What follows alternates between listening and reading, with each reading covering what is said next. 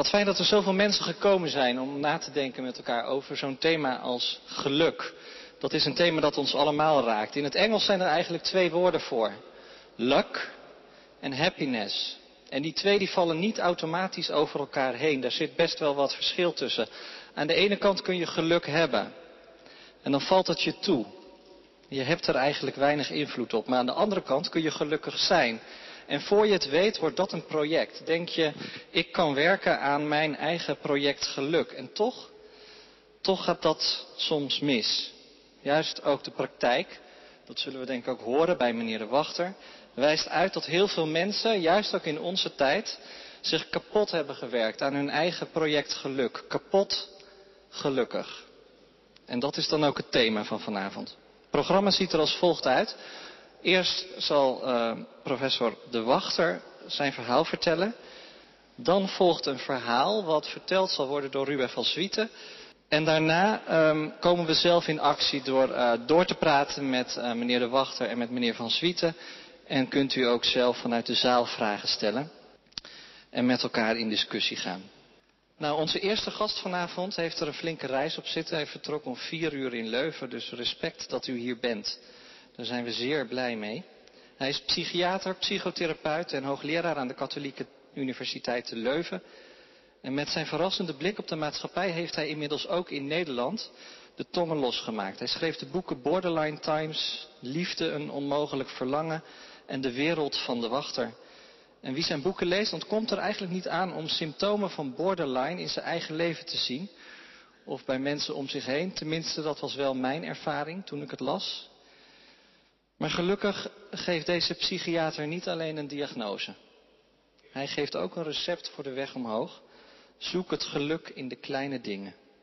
Vanavond leidt hij ons binnen in de wereld van de zin en de onzin van het gelukkig zijn. Hier is Dirk de Wachter.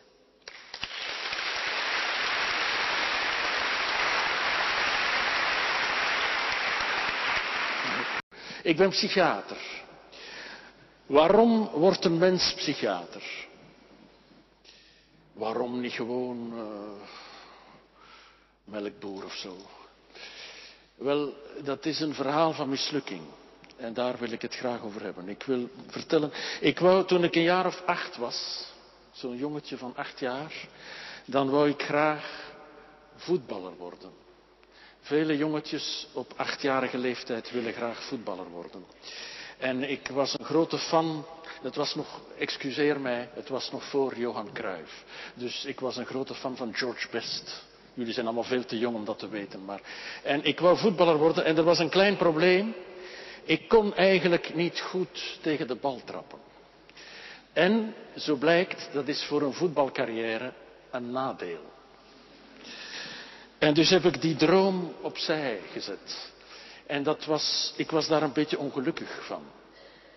Ik was een beetje ongelukkig als kleine jongen omdat ik niet goed kon voetballen. Voor kleine jongens is dat lastig, omdat kleine jongens op school en zo voetballen en uitgekozen worden en zo. En ik schoot erover als laatste, want ik kon niet goed voetballen. Dat was lastig. Maar het leven gaat voort en toen ik een jaar of twaalf was, dan had ik het gevonden. Ik wou muzikant worden. Ik ging naar de muziekschool en ik speelde gitaar. En ik dacht, ik word muzikant. Dat leek mij een fantastisch bestaan. Maar, u hoort het al komen, er was een klein nadeel. Ik had geen talent. En dat blijkt voor een muzikale carrière een nadeel. Dus moest ik ook die droom opbergen. En ik was daar een beetje ongelukkig over. Ik dacht, het is toch erg.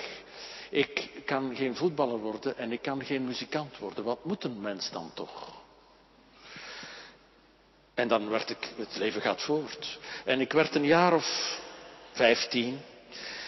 En toen dacht ik, maar nu heb ik het gevonden. Want wat ik wel goed kon, een soort talent. Ik kon heel goed tekenen. Maar echt heel goed. Dus een beetje onbescheiden om te zeggen. Maar ik kon goed tekenen. En ik ging dus op jonge leeftijd eigenlijk naar de tekenacademie. En de leraar, de eerste lessen naar levend model, dat vond ik wel zeer speciaal. Maar de leraar van de tekenacademie, die een bekende kunstenaar was, die zei mij, Stop nu toch eens met mooi te tekenen. Mooi tekenen heeft niks te maken met kunst. En als ik niet mooi kon tekenen, dan kon ik niks eigenlijk.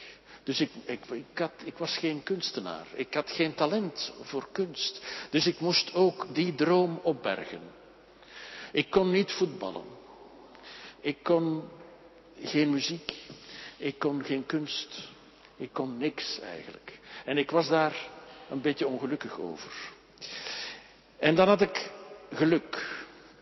Want ik kom terecht in een liefdevol gezin. Mijn ouders en in de eerste plaats mijn moeder, die zei, het is niks jongen. Als je niks kunt, ga dan maar gewoon studeren. Dat is een wijze raad. Het is goed om een, om een moeder te hebben die. Een wijze raad. En dan ging ik kijken, wat is nu het langste dat je kunt studeren? En dan heb ik geneeskunde gedaan. En ik heb neurologie gedaan. En psychiatrie gedaan. En dan een hele lange psychotherapieopleiding gevolgd. En dan ben ik gepromoveerd. Nota bene in Amsterdam. Ik ben eigenlijk nog maar net afgestudeerd. Maar dus mijn geschiedenis is eigenlijk een geschiedenis van ongelukkig zijn dat goed uitgevallen is. Dus daarom ook dat ik dat vertel. Hè? Omdat psychiater zijn, ik zal het u zeggen, is eigenlijk het mooiste beroep dat men kan doen. Er is niks interessanter op deze aardbol om te doen dan psychiater zijn. Namelijk mensen met verdriet bijstaan. Dat is, en daar kom ik op terug, de wezenlijkheid van het bestaan en de zin van het bestaan. Dus wat een chance dat ik niks kon.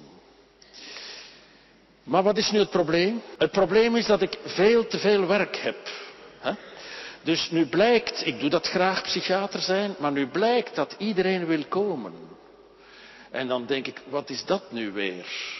Hoe komt het dat deze wereld, waar het zo goed leven is, waar we geen massale armoede hebben, toch, in deze streken, waar ook al tientallen jaren geen oorlog woedt, waar we materieel gezien een ongelooflijk goed leven hebben.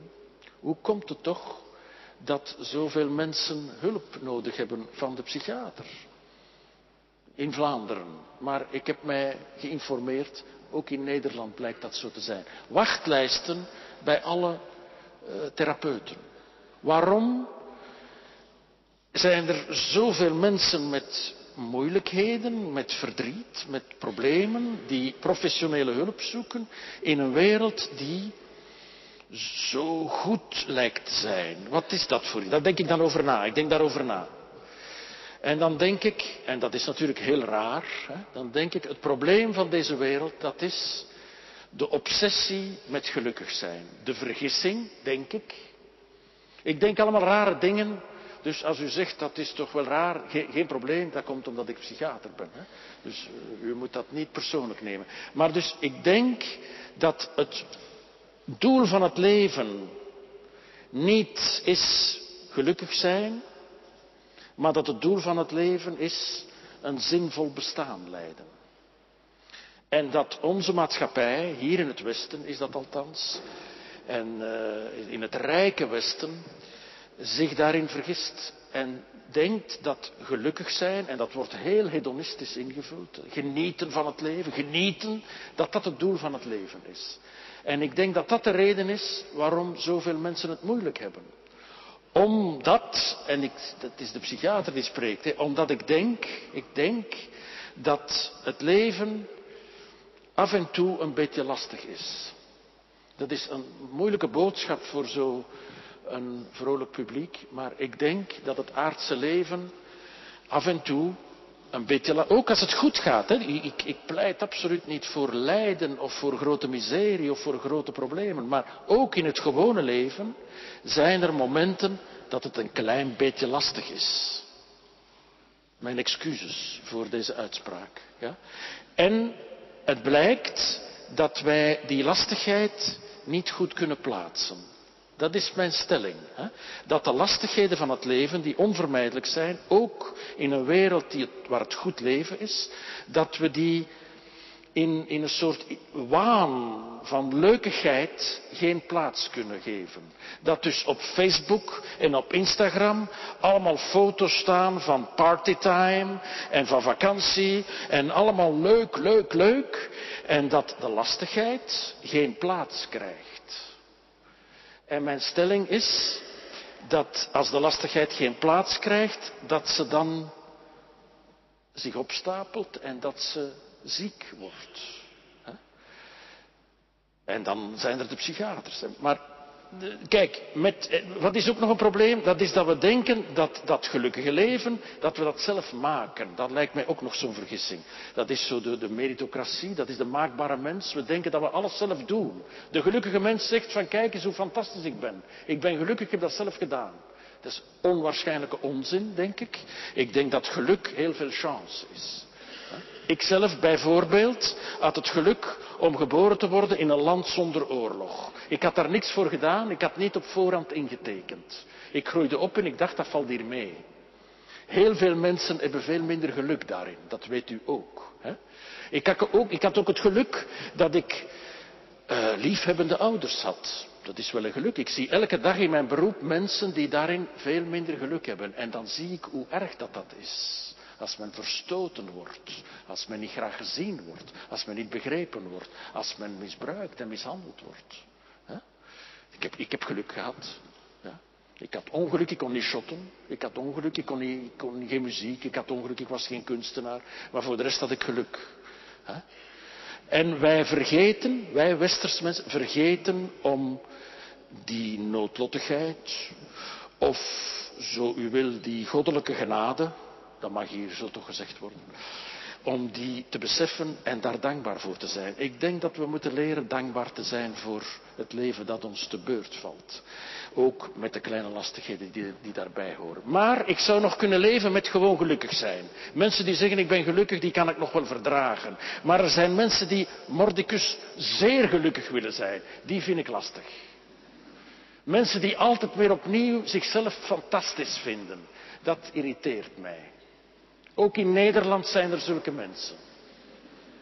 Heel lastig. Zij komen heel vaak in de media om te zeggen hoe fantastisch ze zijn en om te zeggen hoe ze het allemaal zelf gedaan hebben. Dat vind ik lastig. Vind ik vooral lastig tegenover al die mensen die zich niet goed voelen en die dan denken, oei, ik heb het niet goed gedaan. Want er zijn dus wel heel wat verdrietigheden in de wereld. Er zijn heel wat mensen die erg kwetsbaar zijn en door noodlottige omstandigheden ongelukkig zijn. En die mensen, dat vind ik zeer vreselijk, die worden met de vinger gewezen. Mijn patiënten, die bij mij komen met hun verdriet en hun moeilijkheden, worden door een omgeving vaak bekeken van, je moet meer uw best doen. Wilskracht, kom aan. Men wordt gestigmatiseerd voor het ongeluk dat men meegemaakt heeft. Dat is twee keer miserie. Dat vind ik zeer onrechtvaardig. En wat gebeurt er nu? Dat is dat al die verdrietigheid en die lastigheid en dat tekort en al die dingen die moeilijk leven zijn, die worden meer en meer geëtiketteerd door psychiatrische diagnoses. Dat vind ik ook raar. Toen ik assistent was, dat is nog niet zo lang geleden, hè, was de DSM, de Bijbel van de psychiatrie, zo dik. En nu is die verdubbeld. Dus het aantal diagnoses neemt altijd maar toe. Op den duur heeft iedereen wel iets. En dan is er zo nog een kleine groep mensen die zo niks hebben. Die, die, die moeten dan een zelfhulpgroep vormen en zeggen wij hebben zo niets. Wat is er toch met ons? Maar zij kunnen vlug aansluiten bij de depressieven, denk ik, omdat ze zich dan ongelukkig maken. Zeggen, wij hebben zo niets. Hè. Reeds van jonge leeftijd, zo, zo, werkt onze westerse samenleving, van jonge leeftijd worden kindjes die zo'n beetje stiller zijn, of een beetje drukker zijn, of niet goed kunnen stilzitten, of van alles uh, een beetje varianten zijn, die worden dan door een lieve juf gestigmatiseerd met een nummer. Met goede bedoelingen, omwille van de goede zorg. Dus ik moet ook genuanceerd en voorzichtig spreken. Ik ga de hulpverleners niet met de vinger wijzen die, die goede hulp willen bieden. Maar dan denk ik maatschappelijk, wat is er toch aan de hand dat we alleen maar goed voor mensen kunnen zorgen als ze een nummer hebben? Zouden we niet voor mensen kunnen zorgen in alle variaties van de soort? Wat drukker en wat stiller en wat van alles zo. En dat we in die verschillen goed voor elkaar zorgen. Zonder dat dat moet geprofessionaliseerd worden. En, en dat, dat, dat is dan een droom natuurlijk. Hè? Want ik denk dus dat dat de reden is dat ik zoveel werk heb. Dat het verdriet niet in het gewone leven kan opgevangen worden. Dat het verdriet wordt weggeduwd naar de psychiater. Het verdriet krijgt een nummer, een diagnose en wordt naar de psychiater gestuurd. Ga daar maar zagen. Die wordt ervoor betaald. En ik wil minder werk. Dus ik vind dat onze wereld zich moet bewust zijn van het onvermijdelijke verdriet. En dat we moeten leren daar samen mee te leven. En je zou denken, wat een triest verhaal toch van die Vlaming. Wat een trieste tip is dat toch. Wel, ik wil dat nu een beetje counteren. Ik denk, dat is heel raar, nu zeg ik weer iets heel raar. Hè? Maar ik denk dat het verdriet van mensen, dat onvermijdelijk is, aanleiding geeft tot verbinding en tot liefdevolheid. Dat is heel raar wat ik zeg. Hè? Maar ik denk dat we vooral in moeilijke momenten beseffen hoe we iemand anders nodig hebben. Dat dat de momenten zijn waarop we ja, zoveel deugd hebben van iemand die luistert, iemand die daar is, iemand die u vastpakt enzovoort. Dus moest er geen verdriet zijn, ik zeg echt rare dingen, hè? moest er geen verdriet zijn, dan was er ook geen liefde. Moesten we allemaal ons altijd gewoon fantastisch voelen, dan zouden we geen anderen nodig hebben. Dan zouden we niet meer menselijk zijn, denk ik. Het is raar om te zeggen. Het is raar om te zeggen. Ik, eh, ik, zeg ook altijd van kijk, ik zeg rare dingen, vergeet dat maar. Hè. Als u vanavond thuiskomt en uw geliefde zegt waarover ging het, dan zegt u, ik weet het niet. Ik verstond er niks van. Het was allemaal heel raar. Dus geen probleem. Maar ik zou ook graag hebben, het is helemaal geen bescheiden standpunt hoor. Ik zou ook graag hebben dat u binnen enkele maanden, nog zelfs binnen enkele maanden, nog dingen herinnert, zonder dat u weet dat ze van mij komen. Dingen herinnert die hier gezegd zijn, zodat er iets blijft hangen.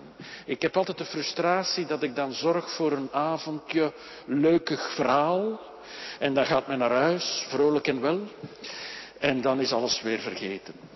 Dus wat ik graag zou hebben, dat is dat u vanavond alles vergeten zijt. Maar dat u binnen enkele maanden, als u met uw geliefden, en het is mooi weer, langs de grachten wandelt of ergens op een terrasje zit, dat u dan zegt van tja, tja, tja.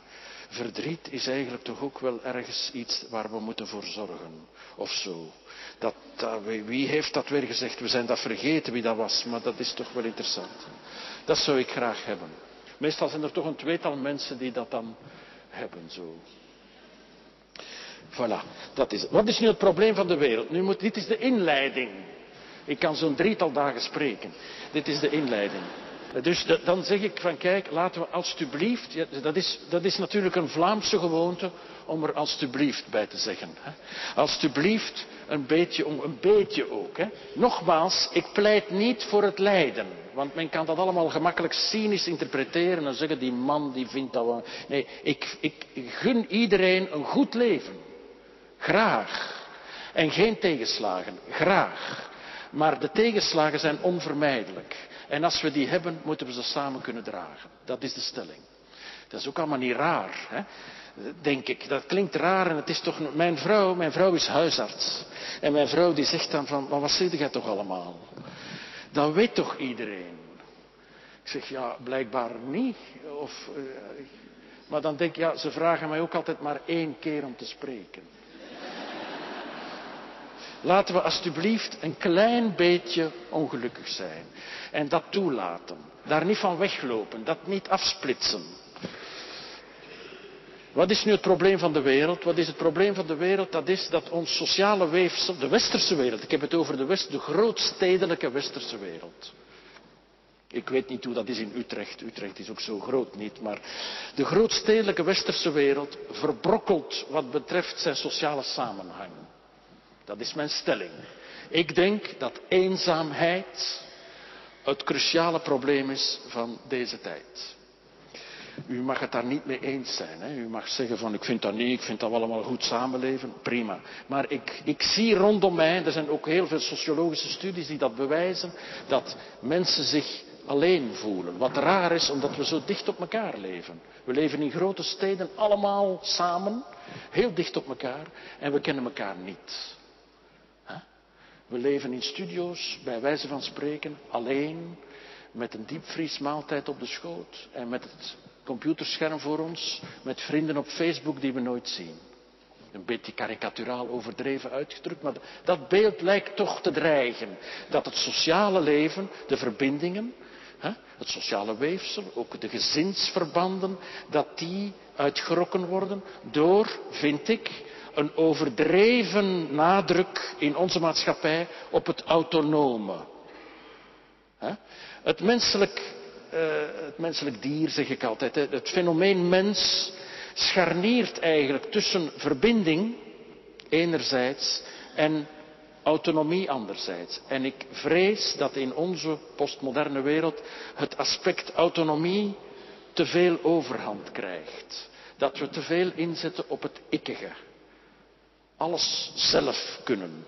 Het, het, het ideaal dat is de, de fantastisch succesvolle mens die alles zelf gerealiseerd heeft. Wat een illusie is, denk ik.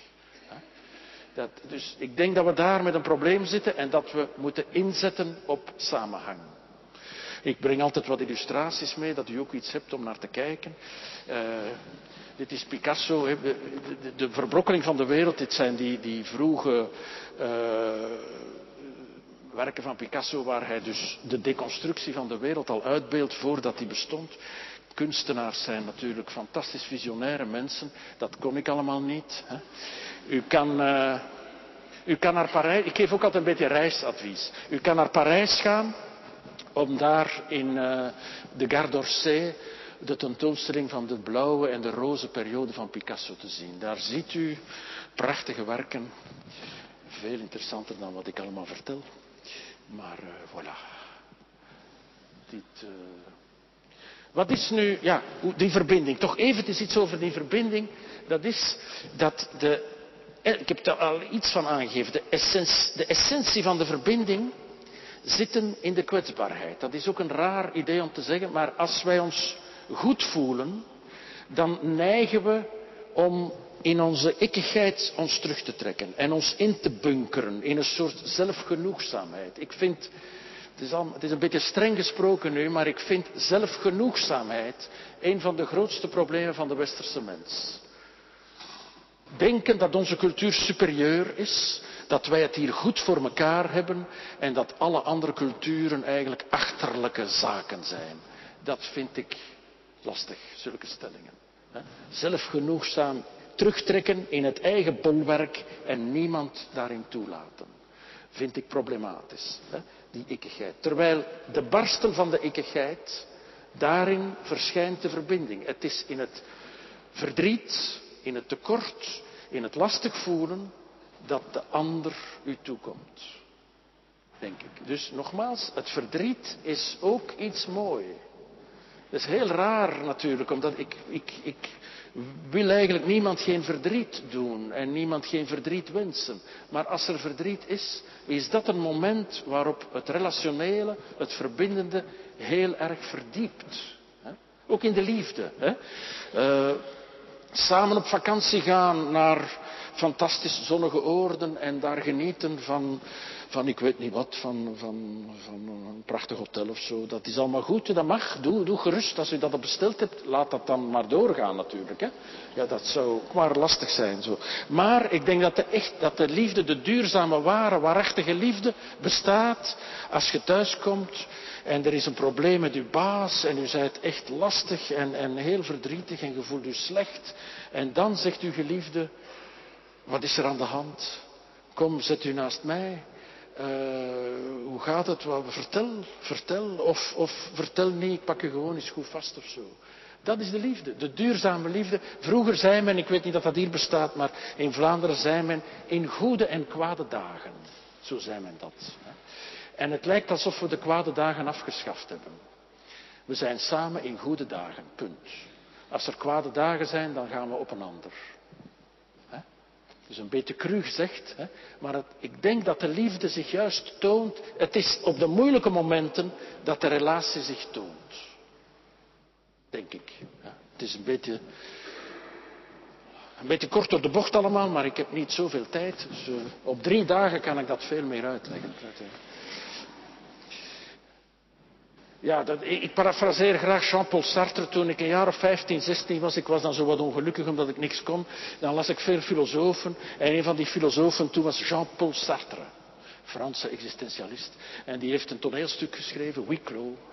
En in dat toneelstuk zegt het personage op het einde: L'enfer, c'est les autres. Nu, eh, eh, wij spreken nog wat Frans in Vlaanderen, hier is dat minder, maar dat betekent, de hel, dat zijn de anderen. En ik parafraseer dat graag met te zeggen, de hel in deze tijd, dat is niemand hebben. Dat is de eenzaamheid. Dat is verdrietig zijn en niemand die luistert. Niemand die daar is om u bij te staan. Niemand die zegt van vertel het maar, het kan geen kwaad. Uh, doe maar, het, het is oké. Dat is de hel. En dat komt vaak voor. Dat is geen rare hypothese van een, van een rare psychiater. Hè. Dat is eh, iets dat vaak voorkomt. Goed, ik ga een beetje sneller. Vervlakking, tweede punt. Ceci n'est pas une pipe. Ceci n'est pas une personne. Uh, hier ben ik een beetje dwarsig tegenover meneer Swaap. Hè. Maar... Uh, Volgens mij zijn wij meer dan ons brein. Ik zeg dat heel eenvoudig. Wij, wij, zijn al, we zijn al, we zijn al wezenlijk als we nog geen brein zijn. Wij wensen al een kind, alvorens dat het breinig is. Wij zijn al bezig met een naam te zoeken en we hebben al ideeën en, en, en, en wensen en hoop enzovoort, alvorens dat er, dat er brein is. En wat nog raarder is, dat is dat we nog zijn als we al dood zijn. Ja, een raar idee ook hoor, maar wij, we vertellen nog over mensen die, die niet meer brein zijn, die nog in ons midden zijn. Ik denk graag, ik wens graag te denken dat mijn moeder meeluistert nu. Ah ja, maar ze had mij gezegd van te studeren. Hè? Dus ik, uh, ik, ik denk dat graag. En ik weet dat dat materieel gesproken niet zo is. Hè? Ik weet dat dat in een soort materialistische, reductionistische levensvisie niet juist is. Maar op een bepaald niveau is dat wel zo. Mijn moeder luistert. Omdat zij in mijn brein ook is. En ik ben hier nu omdat jullie er zijn. Dus de mens is een vertelling, verteld en wordt verteld. Hè. Wij zijn verhalen. Wij zijn ook filosofische constructen. Hè. Maar ik kan er niet te veel op ingaan. Maar de mens, dat is toch nogal essentieel. De mens is zich bewust van zijn sterfelijkheid. En van de tekorten van dit aardse leven. En daarom wil de mens dat dit leven iets betekent. Denk ik. Hè? Ik denk dat dat essentieel is. Dat de mens geworpen is in zin. U kan mij vergissen, maar dat denk ik. Hè? Dat is anders bij de hond. De hond, die ook een sympathieke wezen is, die hond. De hond, hond. Dat is met DT. De kat, kat. Hè? Die, die leven gewoon en die zitten niet bezig van, met hun sterfelijkheid. Dat is een verschil met de mens. De mens denkt van, dit is een beperkt stuk leven hier, daarna is het gedaan, dus ik wil iets betekenen. De mens is geworpen in betekenis en zin, denk ik. En er is een vakje boven, dat is waarvan man niet spreken kan. Dat is helemaal in deze tijd ondergesneeuwd. Ik denk dat veel van de mens onbegrijpelijk is. Dat veel van de mens een mysterie is. Iets van de orde van het niet weten. Iets waar we alleen kunnen hoopvol aanwezig zijn zonder te begrijpen. Wat raar is van een psychiater om te zeggen, maar veel van de mens is onbegrijpelijk en is mysterieus en zit in het spirituele, zit in het goddelijke, denk ik. En dat, is, zijn rare woorden in deze tijd, maar men kan dat goddelijke invullen uh, naar gelang welke achtergrond men heeft. Maar ik denk dat ja, voor niet-goddelijke mensen dat zij moeten erkennen dat er ook iets is van het compleet niet verstaan, van het niet kunnen categorisch begrijpen. Maar dat is een moeilijke voor de, de westerse mens wil zo nodig alles begrijpen, alles vatten, alles in vakjes steken en eigenlijk ook alles maken en kopen. En het menselijk geluk is niet te koop, denk ik. Goed, maar ik moet, ik moet mij haasten. Nog vijf minuten. Ja, maximum. Hechting, toch nog iets over hechting. Dit kunt u zien in Londen in de tijd modern. Louis Bourgeois. Hechting. Hechting is een wezenlijk uh, gebeuren voor de mens. De mens is een heel gehecht dier. En dat komt heel kort. De mens wordt geboren. En dan het mensenkind is heel machteloos. Het mensenkind kan niet leven vanzelf. Bij de pier is dat anders. De, de worm moet ik hier zeggen. De worm wordt geboren, die wormt. De mens wordt geboren en die moet bemenst worden. De mens menst niet vanzelfig. De mens moet bemenst worden. En, en dat betekent dat die ouderlijke caring, die baarmoederlijkheid, die blijft. Die stopt niet bij het geboren worden. Dus de baarmoeder stopt, maar we moeten een mens koesteren en vastpakken en vel voelen. De mens heeft vel nodig. Huid. Ik gebruik zo Vlaamse woorden. Vel is huid. Ja, ja dat, dat wist u. Ja, dus de, de mens heeft nood aan, aan vastpakken. Uh, tot, en bij ongelukkig zijn en verdrietig zijn is dat heel essentieel. Dus het gaat over verbinding, het gaat over, over niet weten, het gaat over vastpakken, elkaar koesteren, het gaat over, uh, over praten. Ik ga, ik ga proberen heel kort te zijn. Het gaat over spreken. Wij moeten spreken over de dingen. Maar ik ga dit uh, wat sneller. Uh, ik ben bezorgd over het feit dat we niet meer goed kunnen spreken. Dat we door onze korte sms- en Twitter-dialogen de complexiteit van het spreken dreigen te verliezen. En het verdriet heeft niet genoeg aan een smiley. Het verdriet moet gezegd worden. In de meandering van de woorden. Het verdriet moet gewikkeld worden in, in verbanden van woordigheid denk ik. Dus laat ons woorden gebruiken. Dus lees voor voor uw kinderen, zeg ik altijd, voor het slapen gaan, in plaats van ze een YouTube-filmpje te tonen. Stilte, dat is het laatste, dan zal ik zwijgen. Broadway Boogie Woogie, speciaal voor de Nederlanders. Ik denk dat we moeten leren stil zijn. Eventjes toch dan iets zeggen over de, de Duitse filosoof Heidegger in de Holzwegen, zo de latere Heidegger, vertelt Heidegger, de essentie van het leven, zegt Heidegger, zit hem in het wachten. We moeten kunnen de dingen wat laten zijn. De zijn, het zijn laten boven de zijnden komen. En daar moeten we leren wachten. We kunnen heel slecht wachten. Wij willen onmiddellijk alles nu direct. We leven in een zeer impulsieve wereld waarin we heel moeilijk kunnen wachten. Waarin we direct met één muisklik en met bol.com onmiddellijk alles willen hebben.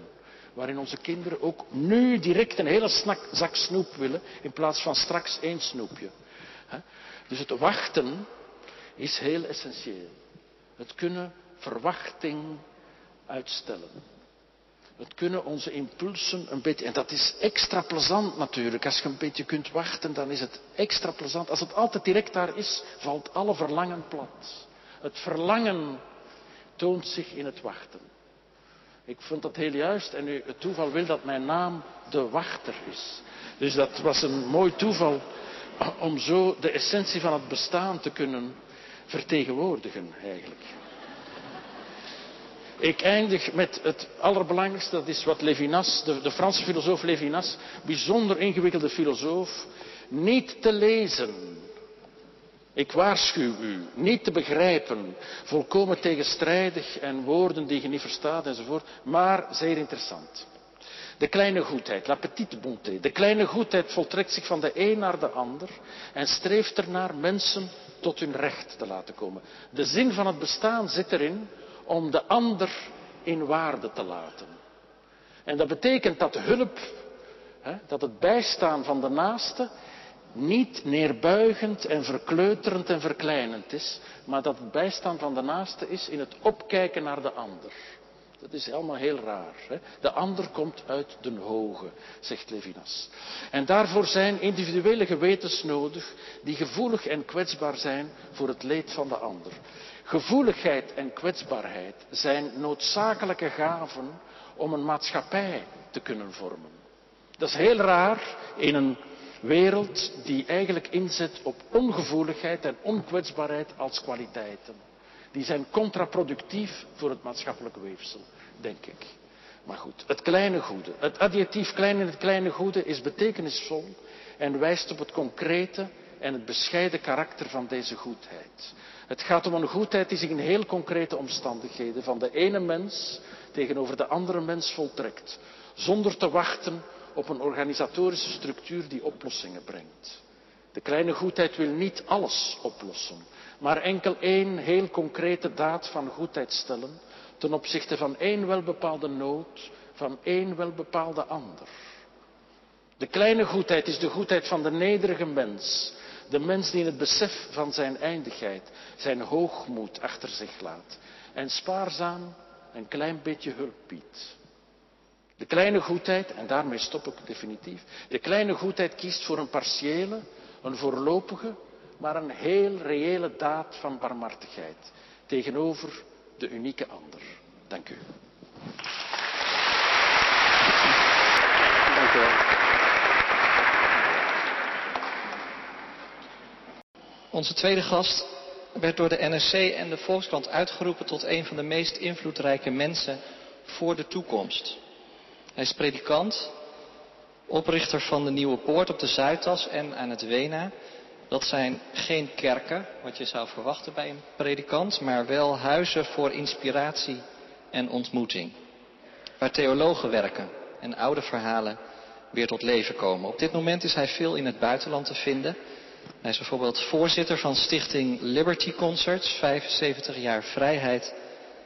Maar hij is ook af en toe in Valencia te vinden om een zingevingshotel op te richten.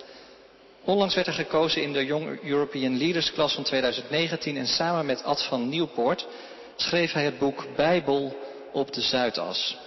Over hun ervaringen met de mensen die werken in die spraakmakende torens langs de A10. Zouden ze gelukkig zijn vraag ik me dan af. En daar hopen we meer over te horen. Hier is Ruben van Zwieten.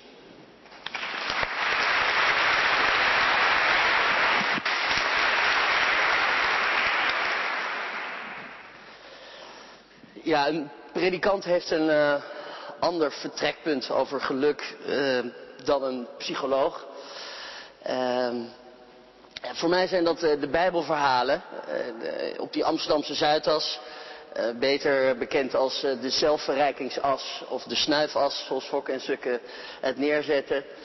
Um, vond ik daar eigenlijk een hele symbolische plek bij het uitbreken van de financiële crisis. Te midden van 30, 40.000 young professionals, young urban professionals, juppen, op zoek naar betekenisgeving in hun red race van het leven. En ik dacht, wat heb je nou anders dan eigenlijk bijbelverhalen? Uh, u zei het al, de mens is een vertelling, de mens is een verhaal. Dus wat kun je dan anders dan dat levensverhaal in gesprek te laten komen met die Bijbelverhalen? En uh, zeven jaar geleden dacht ik, weet je wat, ik begin gewoon met een verhaal wat meteen ook als een identificatie kan gelden voor die young professionals op zoek naar geluk. Laat ik Job doen, want Job is een bekend verhaal. Ik kan dat toch hier wel zo in de Jacobikerk zeggen. Job als een zakenman die alles heeft. Uh, en daarna het ook zomaar weer verliest per ongeluk. Uh, wie is dat? En wat moet hij allemaal doorstaan om overeind te blijven? Dus ik dacht, mooie folder maken. Job op de Zuidas. Uh, e-mailadres erbij. Job op de Zuidas. Zoals je dat doet als je dan een activiteit organiseert. En op een gegeven moment kijk ik zo in die inbox van die aangemaakte postvak. En ik ontving een cv dacht, dat is toch opvallend eigenlijk. Maar wat had men gedacht? Job op de Zuidas. Ik realiseerde wat nou eigenlijk het Bijbels analfabetisme betekende. Want eh, wie wist nou eigenlijk nog wat van die verhalen? En misschien zou je kunnen zeggen, is geluk een kernwoord in die Bijbel? Geluk als in wel gelukzalig zijn zij of iets. Maar ik dacht, nee, dat moet toch iets anders zijn. Volgens mij is dat het woord bevrijding. Telkens maar weer rondom de centrale vraag die in al die Bijbelverhalen wordt verteld. Wat maakt de mens tot mens? Wat heeft de mens nodig om mens te kunnen zijn? Gaat het iedere keer weer om dat centrale woord van bevrijding. En toen ik samen met mijn leermeester dat boek inderdaad schreef, de Bijbel op de Zuidas, toen belde hij zijn leermeester. Hij zei, ja, we hebben het nu steeds maar over bevrijding ten opzichte van vrede. Want vrede is voltooide bevrijding. En ja, en dat bereiken we nooit, dat weten we nu wel. Maar die weg naar vrede toe, als bevrijding, als beginnende vrede. Maar bevrijding van wat eigenlijk precies? Na lang wachten zei die leermeester tegen mijn leerster of een krakende telefoon. Van jezelf. Bevrijding van jezelf. Dat is eigenlijk wat de mens vraagt. Wat de mens mag hopen. Bevrijding van zichzelf. Want in het grote verhaal is het bevrijding uit Egypteland. Egypte betekent in het Hebreeuws Mizraim. Mizar, vreesland, angstland, iets wat je naar de keel grijpt. Eigenlijk de plek van de farao waar je als slaaf zo snel mogelijk wil wegwezen. Je wil uitbreken. Get the hell out of Egypt. Uittocht. En dan waar naartoe? Bevrijding uit Egypte. Van Egypteland naar, lieve mensen, vult u het zelf maar in. Waar gaan we naartoe vanavond? Dat is niet heel enthousiast. Waar gaan we vanavond naartoe? Naar? Naar de kroeg. Ja, nou, ik zal het voor u invullen. De kroeg is een ander woord voor beloofde land. Dus we gaan van Egypteland naar het beloofde land. Dat is de reis eigenlijk in dat Bijbelverhaal. En gaat het nou over één nacht ijs? Kom je in één keer vanuit Egypteland, na de bevrijding, na de Exodus, in dat beloofde land in jouw leven aan? Ja of nee? Nee, zegt u heel fanatiek op de eerste rij. Dat is gevaarlijk, hè, op de eerste rij. Maar dat is wel zo. Ze komen niet aan in dat beloofde land. Ja, pas in de volgende vertelafdeling van de profeten komen ze aan in dat beloofde land. Want eerst moet er 40 jaren door de woestijn worden afgelegd. Van Egypteland naar beloofd land, 40 jaren in de woestijn. En dat getal 40 betekent, zoals alle getallen symbolisch zijn in de Bijbelverhalen, een mensenleven lang. Eigenlijk ben je er een mensenleven lang mee bezig om van Egypte in het beloofde land te komen. Steeds maar weer worstelen. Steeds maar weer in de kaalheid van de woestijn zoeken. Wie ben ik? Wat kan ik? Wie wil ik zijn? Waar is eigenlijk beloofde land? Kan ik niet beter teruggaan naar Egypte? Zo slecht was het toch niet in Egypte? Daar had je tenminste nog ui, knoflook en prei. Terug naar de vleespotten van Egypte. Maar die verbeelding wordt ook wel de talen Kanaans genoemd. De taal van het beloofde land. En als mij nou iets is opgevallen in die zeven magere, dan wel vette jaren op de Amsterdamse Zuidas, is dat men niets, maar dan ook niets bezit wat ook maar in de buurt komt van een talen Kanaans. Van een taal van verbeelding, van een taal van bevrijding, van een taal, als het al mogelijk is, op weg naar geluk. Heel langzaam maar zeker is er een soort spraaknood. Zo noemt de Joodse filosoof, vriend van Levinas, Eugen Rosenstock Hussey, eigenlijk de probleem van de moderne mens. De taalnood. Door de industrialisering, door de technologisering, door de digitalisering zou je nu kunnen zeggen, ontbreekt het de mens in toenemende mate om van hart tot hart contact te leggen. Om te vragen wie ben jij? Waar kom je vandaan? Wat is jouw verhaal? Vertel me jouw verhaal, je bent een vertelling. Maar eigenlijk is het een soort bedrijfskundetaal. En je zou kunnen zeggen uitvergroot op de Amsterdamse Zuidas, waar dat allemaal cumuleert in van die torens van Babel, is er een soort schematische PowerPoint, bullet points, bulletproof verhaal van mensen die in korte woorden, in efficiënte taal eigenlijk ontmoetingen proberen aan te gaan, maar volgens mij steeds meer verder weg raken in de woestijn en steeds verder weg van het beloofde land. Klinkt een beetje abstract, die spraaknoot, maar als predikant kom ik natuurlijk heel dicht bij echte kruismomenten. Tot voor kort had ik nog nooit iemand boven de 40 begraven en, en werd ik erbij geroepen als er zelfmoord had plaatsgevonden. Als er uh, uh, plotseling de kanker was binnengekomen eh, in een gezin of in een, in een jong stijl zonder kloppen.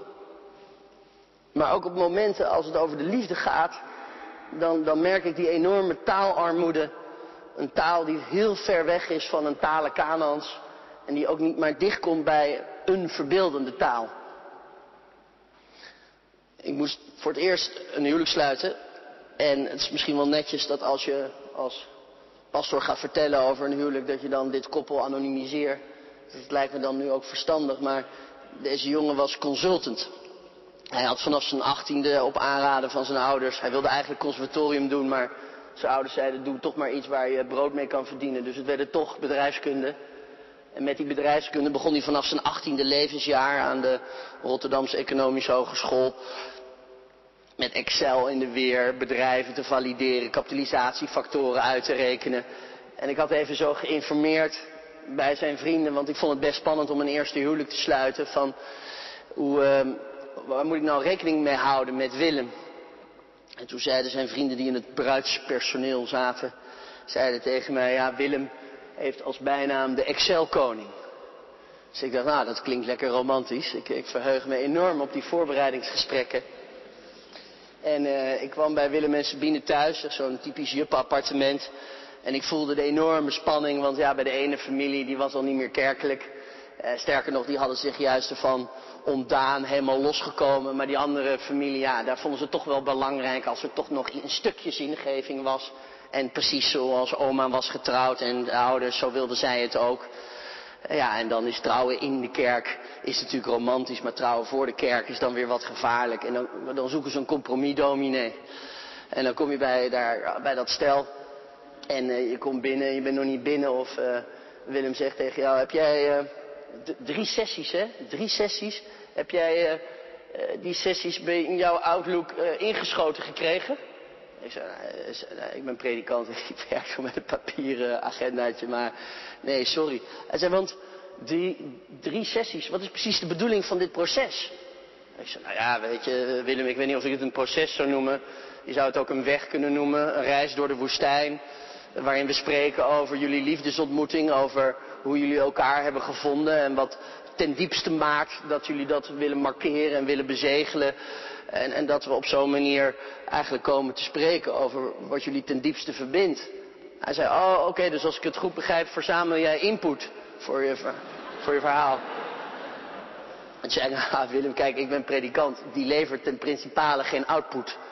He, um, hij zei, nou ja, en ik was ook al wel gewaarschuwd. En, en, en, en, en toen zei hij, ja, uh, dan even over jouw fee. Want uh, ja, zo'n huwelijk, dat kost ontzettend veel, weet je. En we weten nu wat de fotograaf kost en we weten nu wat de DJ kost. Dus uh, nou, Sabine had nog wat kaarsjes op tafel, maar toen kwam dat enorme bakbeest van het werk van Dell met zo'n sticker erop. Mocht hij ooit ontslagen worden, dan wordt hij zo gescand en dan gaat die laptop zo naar de volgende persoon toe. Want wat maakt het uit dat Willem daar zat? Die is direct inwisselbaar voor Sjoerd, niet waar? Wat maakt het uit? En misschien nog wat culturele diversiteit. En dan komt er nog iemand met een andere naam. Maar wat maakt het uit? Direct inwisselbaar. En hij klapt die enorme laptop open. En dat hele gezellige PC-licht of verlicht zo die tafel. En hij haalt inderdaad zijn Excel erbij. Want hij zegt, ja, zo'n huwelijk kost, uh, kost best veel. Hè? Ik zeg, ja, nou ja, dat is zo, uh, Willem. Um, ik zeg, alleen voor trouwen, rouwen en dopen... Um, kun je een schenking doen aan de algemeen nut beogende instelling naar eigen believen, opdat ook in de toekomst generaties na ons op kruismomenten een ritueel kunnen vinden uit de oude traditie ter verdieping van zo'n moment. En toen keek Willem mij aan en, en, toen dacht ik, ja, we spreken allebei Nederlands, maar dit is dan een Babylonische spraakverwarring, volgens mij. En toen zei ik, ja Willem, ja, weet je, het is ontzettend, het is, ik, ik geloof het, het is ontzettend duur. Uh, maar je kan het ook niet doen, hè? Ik bedoel, als je nou lineair denkt, zoals je kan, um, en um, je zou bijvoorbeeld je realiseren dat uh, de kwaliteit van de liefde het weekend na het huwelijk niet hoger, beter, dieper, verder is ten opzichte van de weekend voor het huwelijk, dan zou ik je er graag aan willen herinneren dat het een hoogst kosteninefficiënt gebeuren is. Um, en toen ik denk maar, weet je, je bent toch op je knieën gegaan, dus probeer je wat misschien circulair, poëtisch in de talen Kanaans uit te drukken. Wat maakt nou ten diepste dat je haar wel uh, ten huwelijk hebt gevraagd? En toen zei hij mij de markante woorden. Sabine is mijn logische volgende stap in het leven. en in één keer wist ik wat Eugen Rosenstock-Hussy bedoelde met taalnood. Dat werd in één keer helemaal levend. En, en ja, een bijbelverhaal, dat is heel archaïs, want je moet het in de oorspronkelijke taal, in de oorspronkelijke vertaling lezen. Maar hij had die enorme Dell-computer. Maar ik had een dichtbundeltje van een Vlaming mee, Herman de Koning. En wat ben ik blij dat hij mij die avond heeft gered. Dus ik zoek daar, zoals nog wel eens een dominee bij een begrafenis op zoek is naar een psalm. Zo zoek ik in die dichtbundel en mijn hand blijft stil bij een gedicht met de titel Vijfjarenplan. Denk, ja, die is voor Willem. Kent u Vijfjarenplan van Herman de Koning? Het is iets andere taal dan lineair. Ik hou van jou, hou jij van wat niet kan. Hou jij van je capaciteiten, ik van je gebreken. Jij van je trots en ik van hoe die zacht kan breken in mijn armen. Jij van je moed, ik van je zwakte nu en dan. Hou jij van de toekomst, ik van wat voorbij is gegaan. Hou jij van de honderd levens die je wilde leven, ik hou van dat ene dat is overgebleven. En van hoe je daarom zo ver weg kunt zijn, dicht tegen me aan. Ik hou van wat is, jij van wat zou. Hou jij van mij, ik hou van jou. Herman de Koning, lieve mensen, ja, die, die, die weet nog hoe zoiets, hoe zoiets dan gaat. En eigenlijk, die taal van die verbeelding, die zie ik ontbreken. En, en, en misschien wel de bevrijding van jezelf is dus het opzoeken van een verbeeldende taal om jezelf ook veel meer te bekwamen om vragen te stellen over het grotere geheel. Over de groep waar je onderdeel van uitmaakt. Van de gemeenschap waar je onderdeel van uitmaakt. Ja, van het grotere geheel. En, en ik merk eigenlijk bij de young professionals vandaag de dag een enorme desinteresse voor, voor grotere systemen. Die heel erg op de systemen van de farao van Egypte lijken. Een desinteresse voor vermogensongelijkheid. En we allemaal ook al achteraan rennen als het over inkomensongelijkheid gaat. Over wat nou eigenlijk een gezonde erfbelasting is. Of wat nou, hoe nou eigenlijk box 3 zou moeten werken. Dat klinkt allemaal heel technisch. Maar ergens kunnen we allemaal doen aan liefdadigheid, aan caritas en aan, aan foundations. Ik merk het aan de lopende band. Maar als niet ook die taal van die verbeelding niet alleen maar voor jouw eigen gelukzaligheid is voor de haard. Maar ook iets is van een rechtvaardig systeem voor alle mensen. Dan denk ik dat je een roeping krijgt. Dan denk ik dat je een stem hoort. En dan denk ik dat het niet meer de vraag is om de hele tijd op jezelf te bezinnen. Maar dan wordt misschien wel in één keer duidelijk wat voor een kleine rol jij kan meespelen in een messiaanse beweging. Hoe jij in de woestijn mee op weg kan gaan eh, naar het beloofde land. Want ergens denk ik nog steeds, die Martin Luther King, die had het met die verbeeldende taal zo gek nog niet. Ik bedoel, uh, hij zei, ik, ik ging de heuvel op. En dat moeten we af en toe ook doen. Met z'n allen een moment vinden om uit, uit, uit de klei te worden getild, uit de modder te worden getild. En vanaf die berg zie je dan alles. En als hij zegt, I went up the red hills of Georgia, and you know what I saw? Nou, dan zou Willem waarschijnlijk zeggen, een heel mooi uitzicht. He? Maar wat ziet hij eigenlijk? Hij ziet iets wat hij dan totaal zich verbeeldt. Totaal wat hij zich indenkt eigenlijk. Iets wat totaal niet kan. But I saw them sit together. The sons of the former slaves and the sons of the former slaveholders will sit down together at that table of brotherhood. I have a dream. En ik zou zeggen, en ik merk dat nu juist bij de jongeren die de tijd hebben en de ruimte hebben om na te denken over hoe ze gelukkig worden.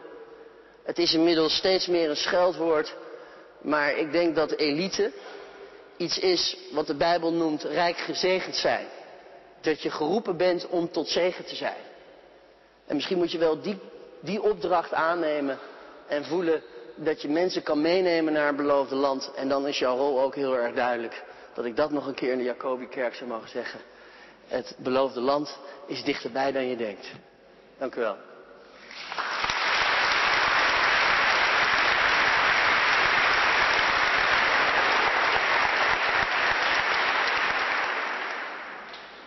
We gaan nu uh, op het podium zitten om uh, nog even door te praten over uw beider betoog. Ik zou zeggen, neem een plekje. We gaan nog even doorpraten over uh, wat u gezegd hebt. Dat doen we eigenlijk in drie blokjes. Steeds nemen we twee stellingen als uitgangspunt. Die worden ook geprojecteerd. En na twee stellingen is er ook even ruimte voor de zaal om vragen aan u te stellen. Die eerste stellingen gaan nog even door op dat gelukkig zijn, op het geluk als concept. We beginnen met een stelling, quote van Aristoteles. Die zei, je hebt een beetje geluk nodig om gelukkig te worden. Een beetje geluk nodig om gelukkig te worden. Daar zitten dus die twee betekenissen van geluk in. Gelukkig willen zijn is blijkbaar iets van alle tijden, hè? Dat, uh, dat zegt Aristoteles ook. En ik heb u horen zeggen, meneer de Wachter, dat u veel chance heeft gehad in uw leven. Als men u vraagt, bent u gelukkig, dan zegt u dat vaak, hè? van ik ben gelukkig omdat ik veel geluk heb gehad. Maar u komt denk ik ook veel mensen tegen die gewoon zeggen, ik heb eigenlijk alleen maar pech gehad in mijn leven. En wat zegt u dan, als iemand dat tegen u zegt? Wel, dan probeer ik, is het uh, hoorbaar zo? Dan probeer ik uit de schuld te blijven in ieder geval. We helpen mensen niet met, hun, met schuld te beladen omdat ze ongelukkig zijn. Dat is al een, belangrijkste. Maar het is, dus de chance van, van het geluk is een belangrijk gegeven, maar we moeten ook opletten, het is ingewikkeld hoor. We mogen ook geen soort van relativistisch discours van het is toch allemaal maar dat. Er is een stukje, een klein stukje, vind ik, verantwoordelijkheid die de mens heeft voor zijn bestaan. Zo zie ik dat. Hè. Ik gebruik een metafoor. In de kosmos gaat ons levenslot, ons levenspad meanderende wegen die die we zelf niet begrijpen en die we niet kunnen voorspellen. Dat is geen vastgelegen pad, maar dat is iets wat we niet in de hand hebben. De dingen gaan en de dingen gebeuren en dat, is, dat hebben we niet allemaal te regelen. Maar, dus de metafoor die ik gebruik, we kunnen binnen dat levenspad dat zijn gang gaat, langs de linker of de rechterkant van de baan lopen. Het is een metafoor. Hè? En dat is hetzelfde levenspad met de gebeurtenissen die soms dramatisch zijn en soms mooi zijn enzovoort. Maar langs de linkerkant van de baan schijnt de zon en is het eigenlijk nogal aangenaam wandelen. Langs de rechterkant is het schaduw, daar is mos, daar, daar glijdt je uit enzovoort.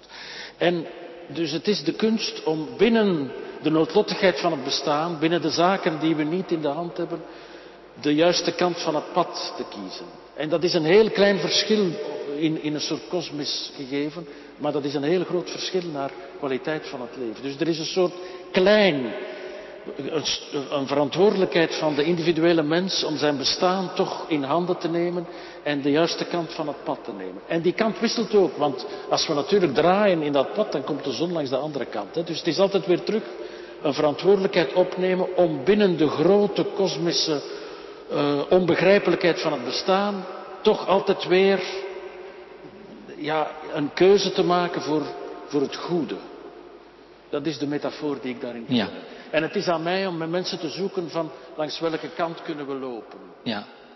Doet mij ook denken, uh, meneer Van Zwieten, aan de, uh, de Nieuwe Poort in, uh, in Amsterdam. Waar volgens mij ook mensen met een afstand tot de arbeidsmarkt worden werken. Um, u heeft ook heel duidelijk dat ten doel om juist mensen met geluk en mensen met pech met elkaar in verbinding te brengen, toch op die plek? Lukt dat? En hoe reageren die op elkaar? Uh, ja, ik denk dat dat lukt. Omdat uh, juist in zo'n plek van, van staal en, en mantelpakjes en, en maatpakken proberen uh, mensen heel veel de gebrekkigheid te ontlopen. Ik zal, ik zal niet vergeten dat er een, een, man bij mij kwam en, en vroeg een koffiegesprek aan. En, en zei, ja, mijn, mijn vader heeft, heeft Alzheimer. ik denk er eigenlijk over na om met mijn kinderen niet meer naar hem toe te gaan. Om maar niet die aftakeling te laten zien. Hij heeft niet door dat ik ben geweest. Ik heb zelf een rotgevoel en ik heb liever dat mijn kinderen uh, mijn vader herinneren zoals hij was in de, betere dagen. Dus het weghouden van de, van de gebrekkigheid en van, van de aftakeling. Terwijl mijn ervaring, wat ik dus nu doe in Valencia met veel mensen, is, is daar drie dagen zijn, in een vier, vijf dagen. En gewoon een hele ochtend nemen om hun genogram te vertellen. Dus een genealogie tekenen gewoon, dit zijn mijn ouders, dit zijn mijn grootouders. Ik zeg, begin maar bij je grootouders en dat gaat alleen de komende uren over jou. En dan blijkt dat iedereen uh, een dislegaat heeft doorgegeven gekregen van bovenuit. En, en komen we tot het bekende zinnetje, ieder huisje heeft zijn kruisje. Hoe mooi zich, iemand zich ook wil voordoen. En ja, daar dan dus ruimte voor maken, dat, is, dat, doet, dat doet enorme wonderen. Als we gaan naar de volgende uh, quote, die komt uit Business Insider. Uh, 22 november 2017, dus uh, nog niet zo lang geleden. Millennials hebben op hun 27e al last van een midlife crisis. Dat kwam Uit een onderzoek onder meer dan 6000 respondenten in de westerse wereld, wat op LinkedIn werd uitgevoerd. Nu komt u beide, denk ik, heel veel mensen tegen. U zult dit misschien herkennen, misschien ook wel niet. Wat me opvalt is dat, um, dat merk ik ook als ik naar uw uh, betogen luister, meneer De Wachter, dat u zegt ik ben een realist. En ik denk dat u dat ook herkent. Dus ik zie bepaalde dingen, ik zie bepaalde trends ook in de samenleving. Dit is er dan één van, hè, dat mensen heel snel al vastlopen. En tegelijkertijd wil ik geen moralist zijn. Ja. Nou, u bent psychiater, u bent dominee. In die zin zit u denk ik beide in datzelfde krachtenveld tussen realisme en moralisme. Hoe gaat u daar eigenlijk mee om? Hebt u niet af en toe de behoefte om gewoon die trends bij te sturen en om toch die moralist even te zijn en te zeggen van jongens, luister eens, het gaat niet goed, je moet dit en dit en dit doen. Eh, natuurlijk, anders was ik hier niet. Hè. Ik, ik ben geëngageerd om de wereld in vraag te stellen en een aantal dingen soms een beetje uit te vergroten om mensen bewust te maken van waar zijn we mee bezig. Maar ik probeer uit een moralistische positie te, te blijven in die zin dat ik mensen wil appelleren om zelf na te denken. En dat ik niet het antwoord wil geven.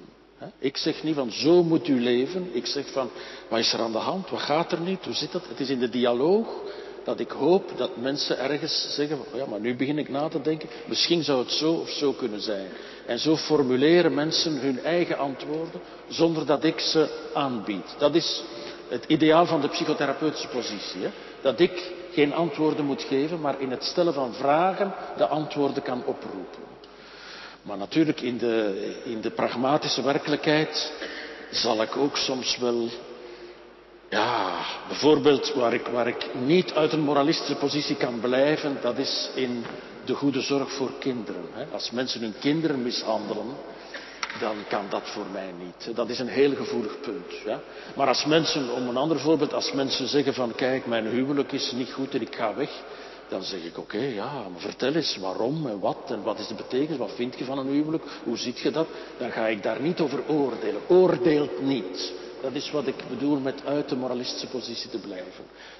Dus de psychotherapeut probeert geen antwoorden te geven, maar probeert antwoorden te genereren in de dialoog met, met de betrokkenen. Zo, ja.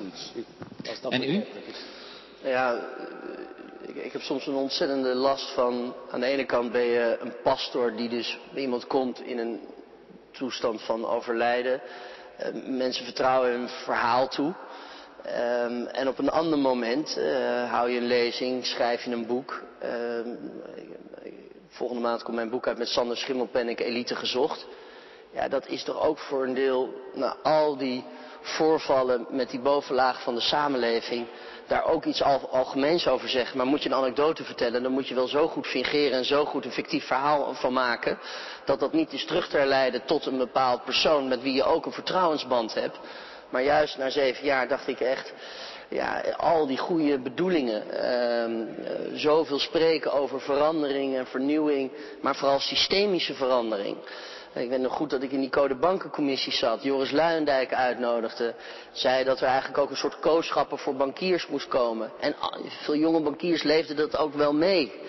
Uh, maar ja, als het dan ook op een gegeven moment uh, iedere keer bij goede bedoelingen blijft, dan, dan, dan vind je op een gegeven moment dat je ook je profetische mantel moet aantrekken en ook gewoon zeggen. Dan moet ik ook altijd denken, ja, wat is dan je ja waard voor liefde als je niet ook nee durft te zeggen tegen datgene wat het in de weg zit? Ja, zijn er nog vragen uit de zaal? Ik zie daar iemand die zijn hand opsteekt. Ja, ik heb een uh, vraag voor uh, de heer De Wachter. Uh, kijk, mensen hebben eigenlijk ook een, beetje een zorg voor de ziel. U had het over uh, echte aandacht voor mensen. Als je verdriet tegenkomt, als je eenzaamheid tegenkomt, als je burn-out tegenkomt. Mijn vraag is, uh, die echte aandacht, hoe zouden we dat een beetje kunnen oefenen? In het luisteren en in het spreken. Uh, en kunnen rituelen daar ook bij helpen in deze tijd? En kunnen, de, wat was het? Rituelen. Rituelen, of? niet heel onbelangrijk. Juist, juist, juist. Uh, oefenen, uh, goh, ik weet het niet of dat we daar cursussen moeten voor volgen. Ik denk dat heel veel van die dingen. Kijk, ik, krijg, ik, krijg, ik geef al eens lezingen ook voor het onderwijs. Hè? Het, het, het, onderwijs. Leraren die dan zeggen, wat kunnen wij doen en kunnen wij... Dan denk ik, ja, dat start toch wel heel erg in de opvoeding van kinderen en in het gezin. Hè? Dat is een, een soort basishouding, een soort van, van ja, en dat is een beetje moralistisch nu, ik moet ook weer opletten. Ik denk dat, dat, dat we dat leren van jongs af aan. Aandacht hebben voor, voor mensen die, die met een probleem zitten enzovoort. Dat is een, een die ouders meegeven. Dus eh, ja, cursussen daarvoor, dat vind ik toch een beetje lastig. Heel vaak worden mensen pas wakker en bewust van die dingen als ze zelf moeilijkheden meemaken. Dat is een, een opportuniteit. Dat is ook iets raar. Heel vaak bij mijn consultatie beginnen mensen te zeggen, maar eigenlijk wat heb ik nu met mijn leven gedaan? Nu besef ik pas dit of dat. Hè. Dus verdriet en lastigheid is een opportuniteit. Dat is ook weer een rare boodschap. Ja. En rituelen, dat vind ik, ja, ik vind rituelen zeer belangrijk. Het is uh, een probleem in een seculiere samenleving die radicaal begint te, te ontgoddelijken. Hè. Ondanks al uw inspanningen, is dat in de westerse wereld een probleem. Ja? Als hij maar vermenselijkt. Wel ja, dat is het natuurlijk. Hij mag best ontgoddelijken. Ja, dat, is, dat is absoluut ook wat ik vind. Hè. En ik denk dat daar rituelen zeer belangrijk zijn. Dat, en rituelen in de zin van zingeving die mensen samenbrengt. Op betekenisvolle momenten. Hè. En ik hoop dat we dat kunnen behouden of terugvinden en, en kunnen, kunnen beoefenen ook als we ontgoddelijken. Dat is, dat is zeer, zeer belangrijk. Ik kan alleen maar zeggen zeer belangrijk. Hè. Als, als men op betekenisvolle momenten, bij verbinding van mensen, bij nieuw leven, bij dood, bij ziekte, hoe we kunnen samen zijn en daar betekenis aan geven, die ook het louter individuele overstijgen. Hè. Ik vind bij het overlijden van een mens dat er meer moet zijn dan een succesvolle PowerPoint van de VZ2X die ik, ik die voorbij is. Hè. Dat er ergens een soort verbinding moet zijn met het grotere. En voor mijn part moet dat niet goddelijk ingevuld worden, maar dat moet toch ergens een betekenis hebben in een groter geheel. Dit is zeer belangrijk, denk ik. Ja, ja absoluut. Dank u wel. Nog een andere vraag daar uh, rechts. Hallo, sowieso hartelijk bedankt voor, uh, voor uw prachtige verhalen. Ik had een vraag ook primair voor meneer De Wachter, maar in ieder die, uh, die erop wil reageren, welkom natuurlijk. Um, u lijkt een soort angst voor verdriet te beschrijven um, bij mensen in de westerse maatschappij.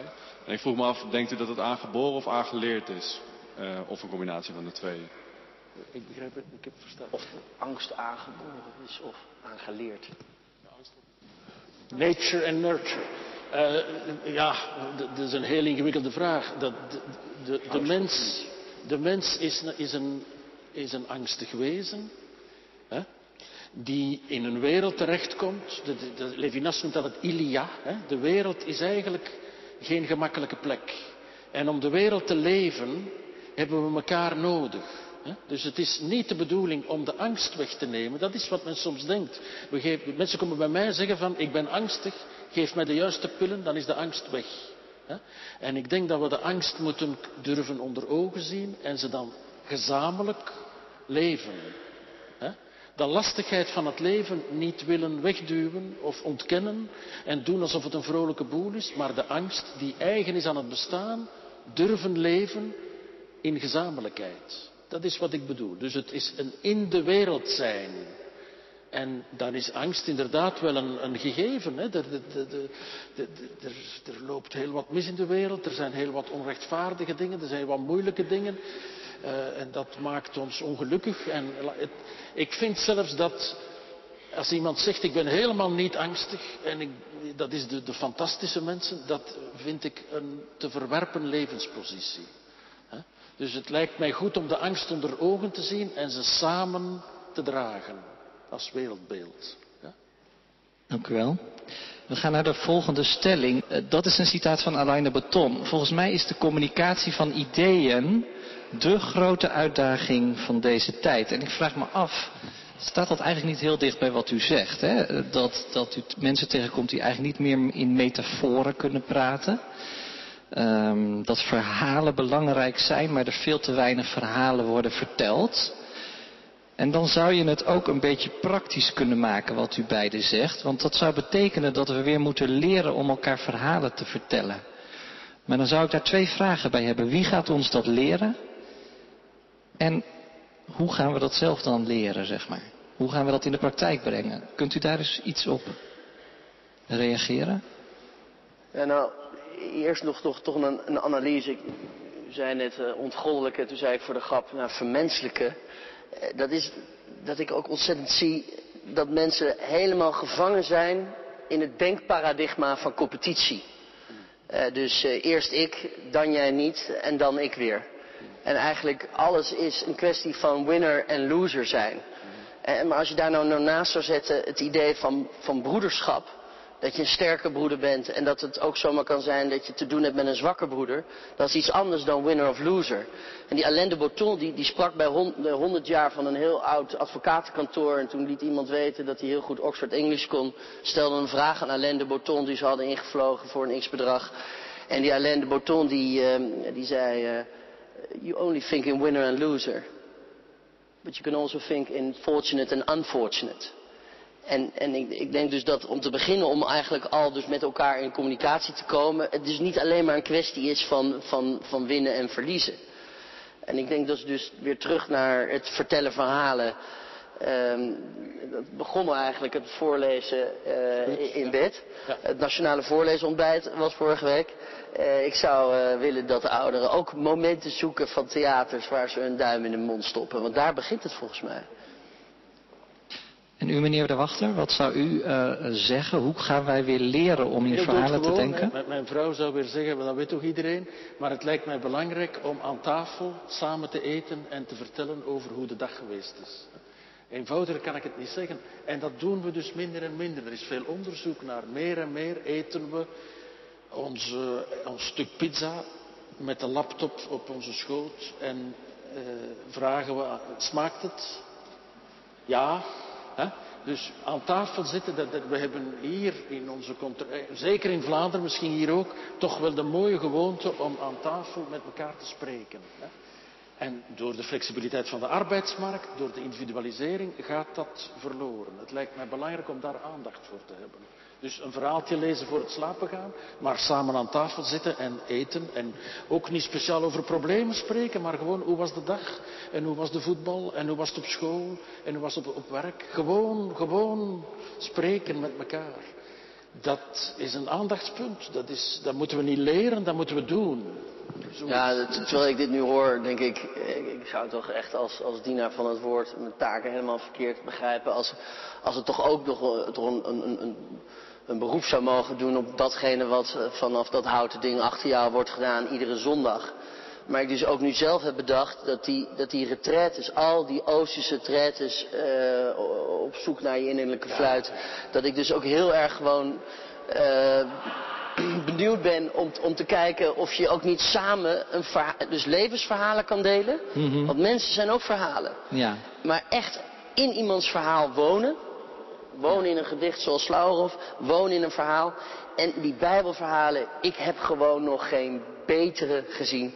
Dus ik wil gewoon met mensen die dingen gaan binge-watchen. Want u zegt eigenlijk die verhalen aan de tafel, die zijn mij te schraal. Nou ja, toen dacht ik dat, want anders uh, denk ik, er, er, moet ook iets gezegd worden wat nog niet in ons is opgekomen. Volgens mij werkt inspiratie ook zo dat de spirit van buitenaf en, en ook onze spiegel we voorhouden. En goede verhalen doen dat. Die, die, houden ons, die houden ons iets voor. Bent u het daarmee eens, meneer De Wachter? de box. Ja, ja, zeker. Ja, en aan wat voor verhalen zou u dan denken? Goh. Ik, ik, ik, ja, maar dat is dan heel... Het Levinasiaanse denk ik, dat is de ander. Hè? De ander is radicaal anders. En brengt ons altijd weer terug nieuwe ideeën. Dus vandaar is de ontmoeting met de ander zo belangrijk. Om, om uit diezelfde ikkigheid te treden. En de verschillende ander, die altijd zo verschillend is, om die toe te laten om onze zelfgenoegzaamheid te verstoren. Ja. Dat is wat Levinas zegt. Hè. De ander treedt ons toe en stoort eigenlijk onze ideeën van de wereld door anders zijn binnen te brengen. En dat is verrijkend. Maar is dat een verhaal, meneer de Wachter? Dat is uiteraard een verhaal, ja. Ja, nee, ik, ik, ik, ik weet hoe, Levinas verhalen leeft, maar... Ja? Ah, Maar ja, dus de, de, de- dat zit in de taal. Hè. De ander ontmoet ons in de taal. Dat is en het verhaal van de ander verrijkt ons wereldbeeld. En het is dus in, in, in de ontmoeting met de ander dat, dat de menselijkheid ontstaat ook. Hè. En in de Levinasiaanse ethiek betekent de ontmoeting met de ander een heel individuele ontmoeting met deze unieke persoon die nooit anders is dan, dan daar. En het is ook een ontmoeting met de mens en in de Levinasiaanse ethiek de ontmoeting met de goddelijkheid. De bevrijding uit de totaliteit van het ik en daar in de blik van de ander, die waar we naar opkijken, ontstaat iets van het mysterie. En dat is niet door u terug te trekken uit de wereld en ergens op een berg te gaan zitten, maar dat is door in de wereld te treden en de, de, de noodlijdende verschillende ander te ontmoeten. Dus dat verschil komt uit de blik van de ander.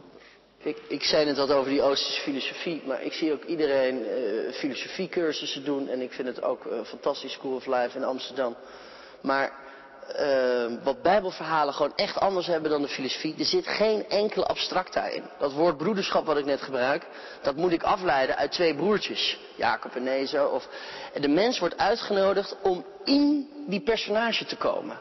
En ik denk dat dat vandaag de dag zoveel heilzamer is in deze beeldcultuur om echt in een verhaal te komen dan ook nog weer abstracte filosofie te verstaan. En en uiteindelijk. Reacties uit de zaal? En het is een vraag aan ehm dominee van Zwieten, maar iedereen staat vrij uiteraard om op te reageren. Dankjewel voor het mooie verhaal. Ik heb een vraag ook over een van de Bijbelverhalen, namelijk over de tocht naar het beloofde land. Als de tocht naar het beloofde land een mensenleven lang duurt, je voelt hem al aankomen, is het beloofde land dan misschien de dood? En wordt bij gevolg het leven dan voorgesteld als een onvermijdelijke tocht door de woestijn? En wat kun je dan daarvan vinden? Ik zou denken, ja, waarom leven we dan überhaupt als het toch een tocht door de woestijn is? Of laten we er het beste van maken, want het is toch één keer een tocht door de woestijn. Kunt u mij daarbij helpen? Nou, dit is nou leuk, toch? Nee, dat, en dat moet, dit moet, U mag dit moet dan reageren. kort worden beantwoord, maar dit, zou, dit vraagt om een hele ochtend eigenlijk. Want eh, voor je het weet, wordt die reis van Egypteland naar het beloofd land ook een lineaire reis. Maar zo slim waren die Bijbelschrijvers wel. Dat is het natuurlijk niet. Want eerst, het is uiteindelijk een cirkel, die reis. Het is wel degelijk een circulaire reis. Want in de Bijbel betekent in den beginnen niet het begin van de reis, maar het beginsel, de kern. Eerst beginnen ze ermee dat Egypte is al het beloofde land. Namelijk onder Jozef. Die maakt er in de magere jaren het beloofde land voor iedereen komt naar Jozef voor brood. Notabene in het doodsland Egypte. En komen ze aan in dat beloofde land. Eén grote teleurstelling. Ze maken die direct weer met elkaar een rotzooi van. En het is weer één groot Egypteland.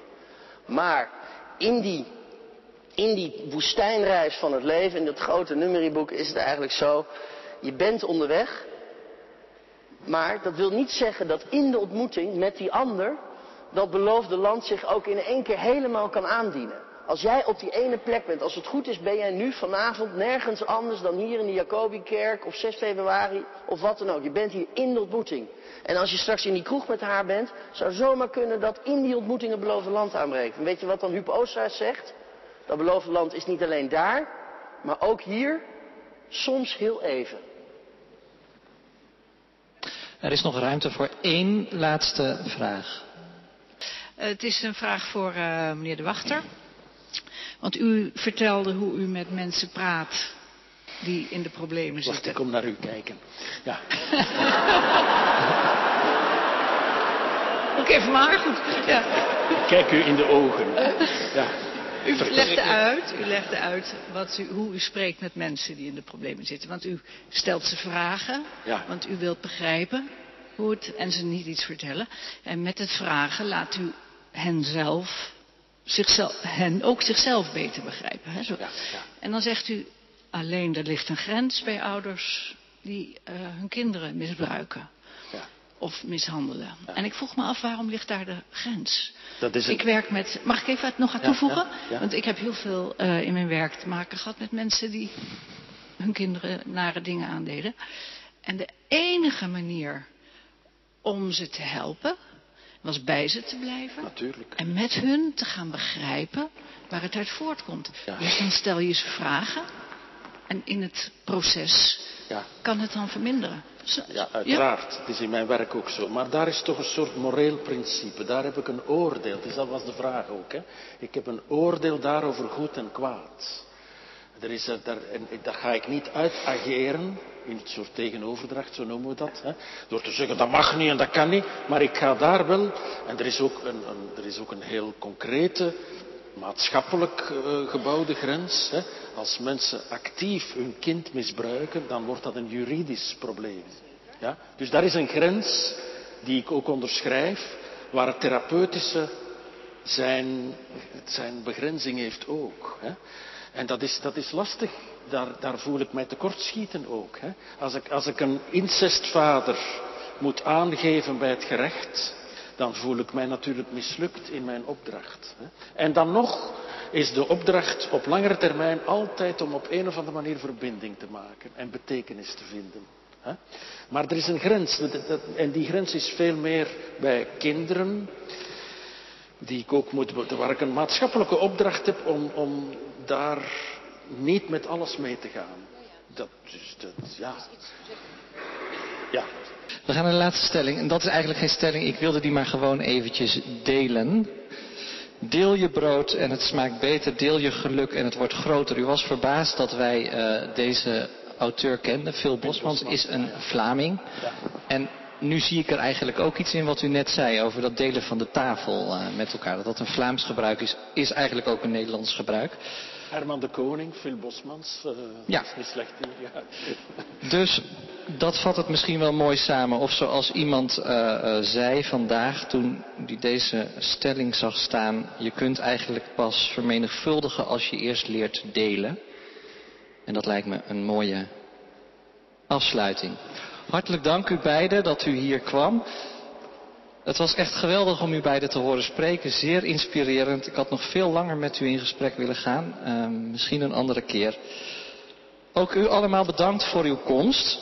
Voel u welkom om straks nog een drankje te blijven drinken. Dat kan daar achterin. U kunt boeken kopen, eh, die meneer de Wachter ook misschien wel wil signeren, als u dat aardig aan hem vraagt.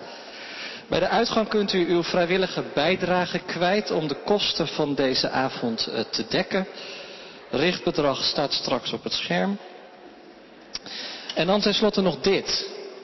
Kijk, we zijn nog helemaal niet uitgepraat hè, over dit onderwerp. En dat is ook helemaal niet nodig, want hier in de Jacobikerk gaan we nog twee maanden door met nadenken over geluk. We gaan met elkaar op een boekenclub het boek van De Wachter lezen, De Wereld van de Wachter. We gaan een bijbeltafel à la wat u doet in de Nieuwe Poort organiseren, waar we eh, het eh, boek Prediker gaan bespreken, wat heel erg gaat over geluk en ongeluk. Er komt een festival op 6 april met eh, gasten uit de wereld van de literatuur, de muziek. En er is via Vesper iedere zondagavond een viering hier in het Zuiderkoor waarin we de zaligsprekingen, ofwel de gelukswensen van Jezus bespreken. Kortom, voel u welkom op al deze activiteiten. Wees ook zo vriendelijk als u dat prettig vindt om dat briefje in te vullen, zodat u de nieuwsbrief krijgt één keer per maand. We zullen u niet stolken, maar het is wel erg leuk om te volgen. En u hebt een evenementenladder gekregen. Kortom, we hopen u graag terug te zien. En voor nu een gelukkige avond hier bij de borrel, straks in de kroeg. En wij wensen u het beste. Tot ziens.